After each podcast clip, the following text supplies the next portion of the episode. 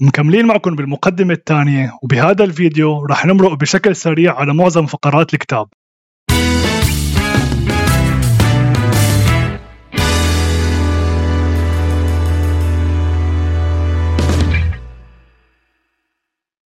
فرضا أنت حبيت تشتغل ميكانيكي سيارات وقررت تصير خبير بهذا المجال. شو هي الخطوات اللي لازم تتبعها؟ أول شيء لازم تعرف شو هي أجزاء السيارة. شو مهمة كل جزء فيها؟ كيف بتشتغل؟ شو الفرق بين السيارة المانويل والسيارة الأوتوماتيك مثلا؟ ولازم تتعرف أكثر على هذا المجال. وتعرف شو هي التحديات اللي لازم تتجاوزها لتفوت فيه. فالخطوة الأولى هي أنك تكون قاعدة معرفية ومعلومات نظرية متعلقة بهذا المجال.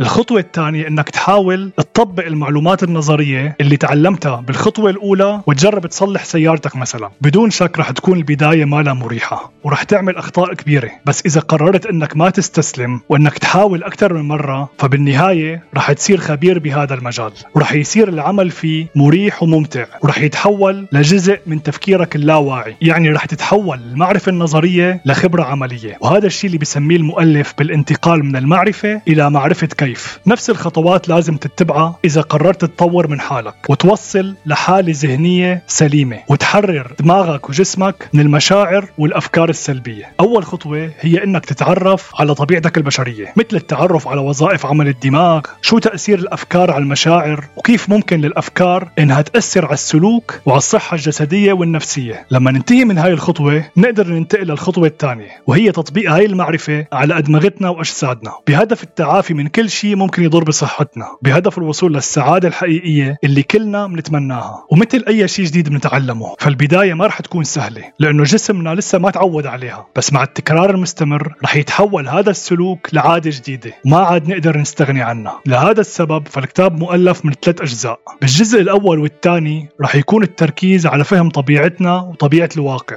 مؤلف الكتاب بيتعمد تكرار بعض الأفكار أكثر من مرة بهدف تذكيرك بأشياء ما بده إياك تنساها. التكرار بفيد بتقوية الشبكات العصبونية بالدماغ وبيساهم بتشكيل مزيد من المسارات العصبية اللي ما بتخليك تفكر خارج إطار العظمة والإيجابية حتى لو كانت ظروفك صعبة. بعرف إني عم بستخدم مصطلحات جديدة عند كتار بس اطمنوا لأنه هاي المصطلحات رح نشرحها بالتفصيل عن طريق فيديوهات توضيحية لما نحكي عن وظائف عمل الدماغ بالفصل السادس من الكتاب. وبصراحة هذا هو السبب الرئيسي اللي دفعني أفتح هاي القناة. قلت لحالي إنه أفضل طريقة إني أتعمق فيها بهاي الأفكار هي إني أشرحها بأسلوبي على مبدأ إنه أفضل طريقة لتتعلم شيء هو إنك تعلمه. بهي الطريقة بضمن إنه تتحول هاي الأفكار لجزء من تفكيري اللاواعي وجزء من شخصيتي وجزء من أسلوب حياتي. طبعا رح أكون سعيد كثير إذا قدرت أثر على البعض تأثير إيجابي. Derby. ولكن أنا برأيي أنه الإنسان ما لازم يشغل باله كثير بتغيير غيره لأنه أنا إذا تغيرت من جوا فهذا الشيء رح يأثر على الوسط المحيط فيني كأثر جانبي. أنا مؤمن بوحدانية الكون بمعنى أنه كل عناصر هذا الكون من بشر وحيوانات ونباتات مرتبطة ببعض ارتباط غير عادي.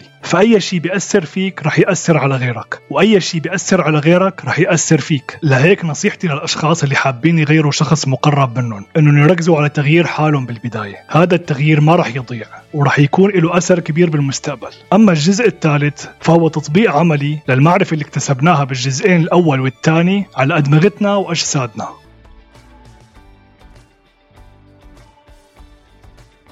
ممكن إنه أي شخص فينا يقضي فترة طويلة من حياته عم يتعلم كيف يتعامل مع جهاز معين، ولكن الأهم من هيك إنه نعرف كيف نتعامل مع أنفسنا، بالجزء الأول من الكتاب رح نتعرف على أحدث الأبحاث العلمية والفلسفية المتعلقة بطبيعتنا وطبيعة الواقع، مين نحن؟ وليش التغيير صعب كتير بالنسبة لعدد كبير من الأشخاص؟ وشو هي الخيارات المتاحة للإنسان؟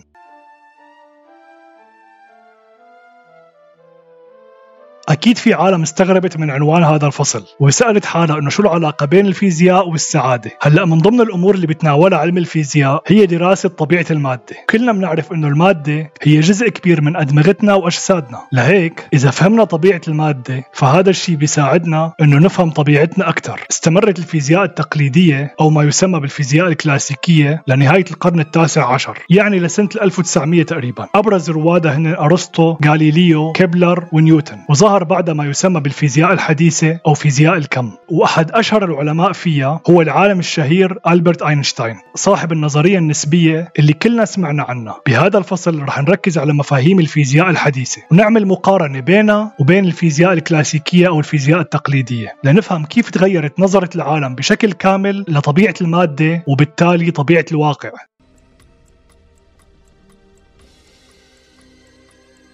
إذا تركنا المجال للعالم الخارجي إنه يؤثر على طريقة شعورنا وطريقة تفكيرنا فهذا الشيء رح يشكل مسارات عصبية بالدماغ بتخلينا نفكر ونشعر بطريقة مشابهة لكل شيء حوالينا والنتيجة هي إنك رح تكون نسخة من غيرك ورح تعيش نفس المشاكل والأزمات والظروف اللي عشتها من قبل لذلك لحتى تتغير لازم تكون أعظم من البيئة الخارجية المحيطة فيك.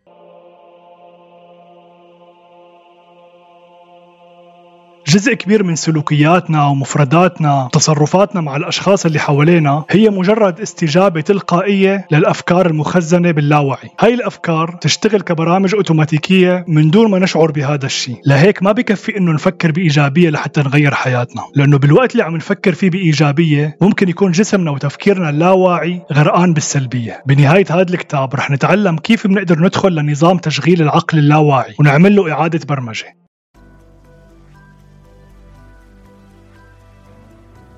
التفكير بالماضي أو الخوف من المستقبل. هن عاملين رئيسيين وأساسيين لمعظم المشاكل والأزمات النفسية اللي بنعيشها أي حدا بيشكي لك همه ووجعه وحزنه رح تلاقيه عم يركز بحديثه يا أما على أحداث صارت بالماضي أو على أحداث ممكن تصير بالمستقبل. التحرر من قيد الزمن وإدراك أهمية اللحظة الحالية اللي منعيشها حاليا هي أمور جوهرية للتحرر من مشاعر الحزن والخوف.